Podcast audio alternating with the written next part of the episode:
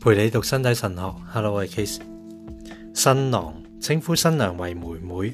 佢哋喺呢个关系入边嘅对话充盈住特殊嘅内容。如我哋头先引用嘅诗句所见，爱推动双方寻找共同嘅过去。由于佢哋系嚟自同一个家族嘅，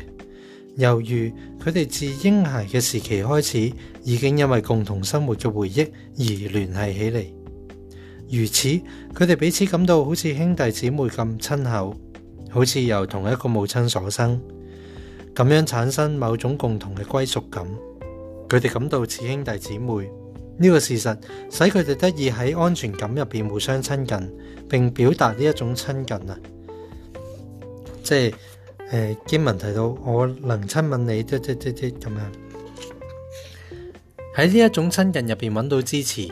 而不必害怕其他人嘅负面睇法，即系喺经文入边提到不至受人轻视，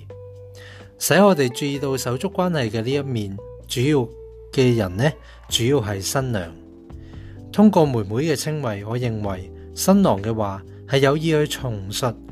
被爱者嘅女性特质嘅成长过历程，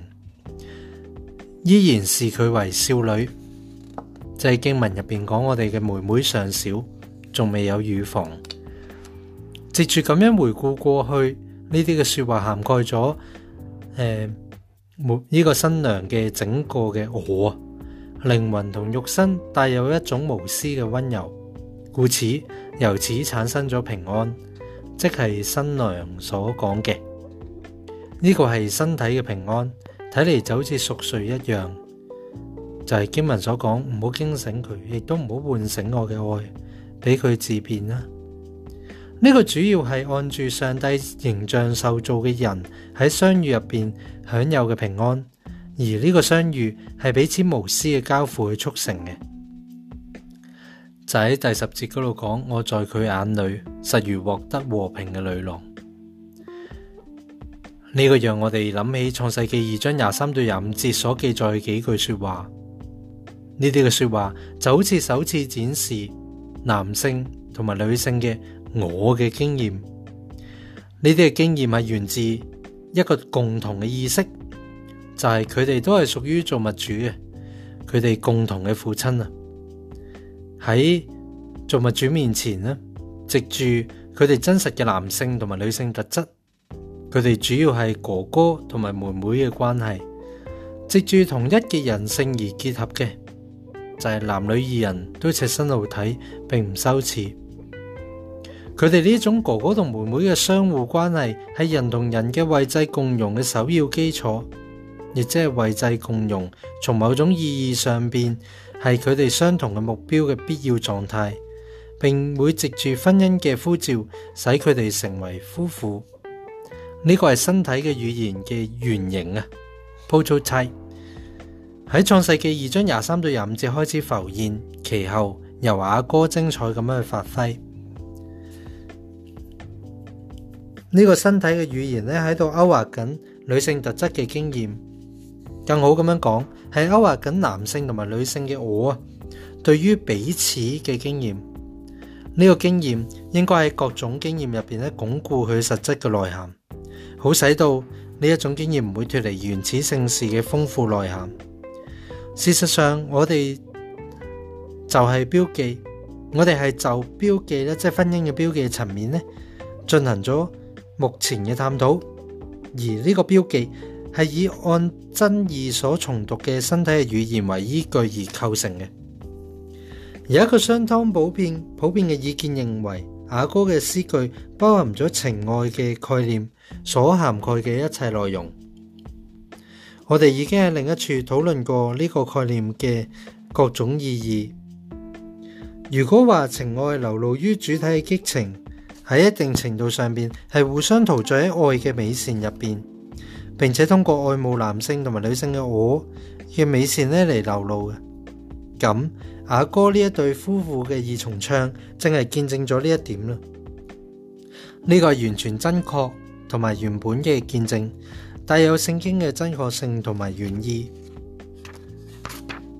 我嘅妹妹，我嘅新娘呢啲嘅称谓，睇嚟系源自呢一个深层嘅意义，亦都只有基于咁样嘅层次，先能够恰当咁样去诠释点解佢会讲妹妹或者新娘。下哥六章九节咁写，我嘅甲子，我嘅原人只有一个，佢系佢母亲嘅独生女，佢系生养。佢嘅爱女，另一个主题喺阿哥嘅爱嘅二重唱入边浮现，系同先前嘅主题相关嘅，可以话系另一个深层次嘅内容。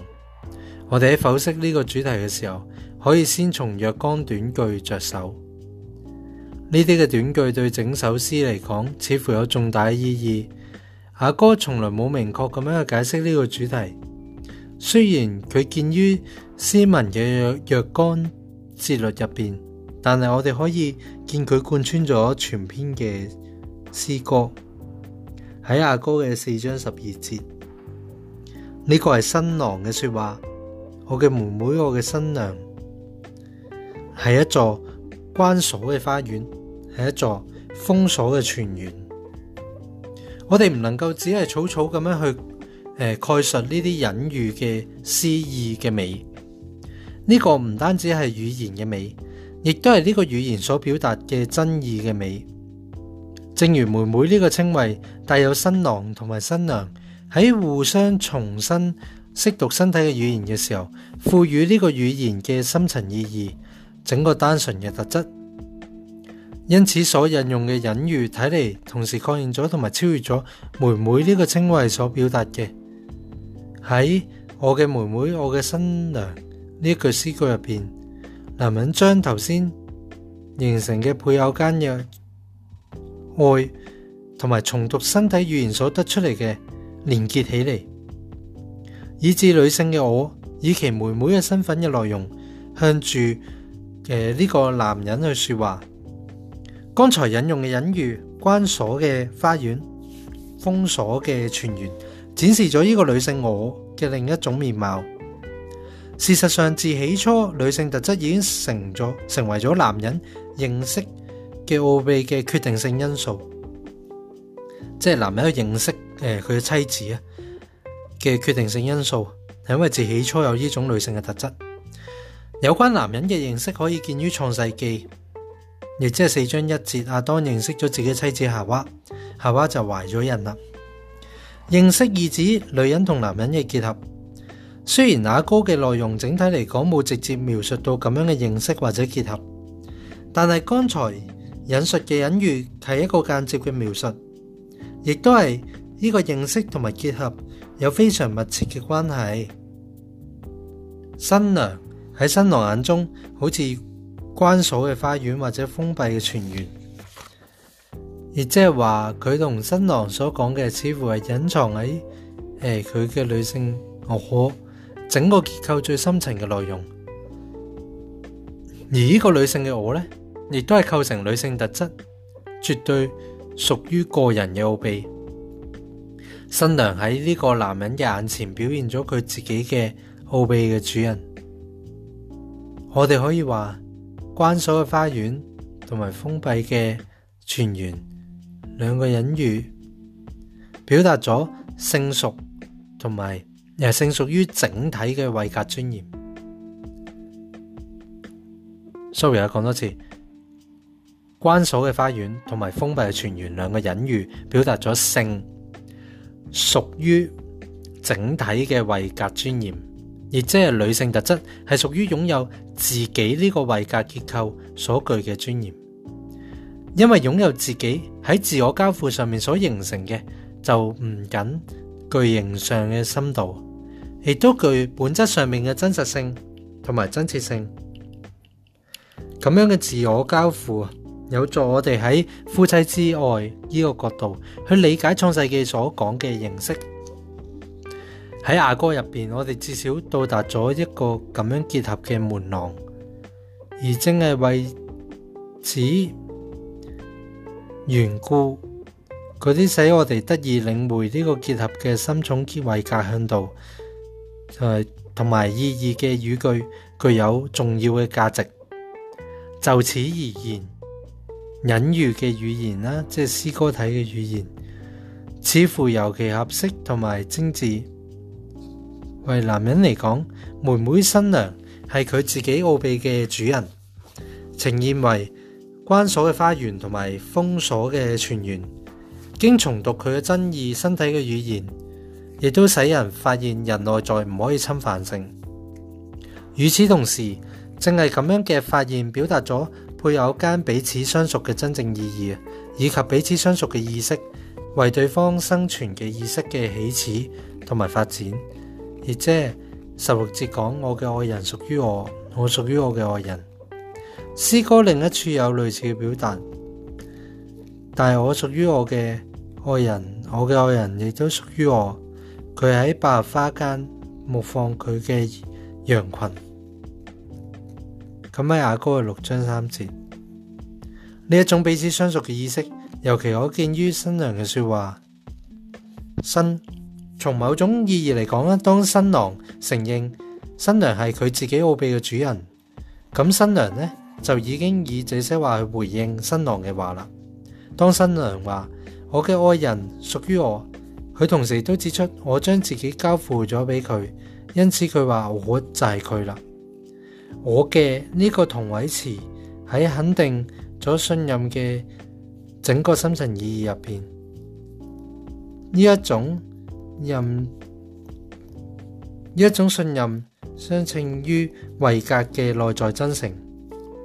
同樣相稱於喺女性我同埋男性我嘅關係入边，女性特質嘅配合性意義，亦即係相稱於按住真實嘅位格尊嚴所重讀嘅身體語言。新郎以關鎖嘅花園同埋封鎖嘅泉源等隱喻去述說呢個真實嘅尊嚴，新娘則以交付自己嘅说話嚟回應，亦即係將自己交托俾新郎。新娘系有能力作出选择嘅人，佢话我为我嘅爱人去生存啊！阿哥巧妙咁样展示咗呢个回应入边嘅真诚，新郎嘅话表达咗对呢个家父嘅深层意识，而家父嘅自由就系对呢种意识嘅回应。通过呢个真诚同埋自由，爱得以建立，从而成为真正嘅爱。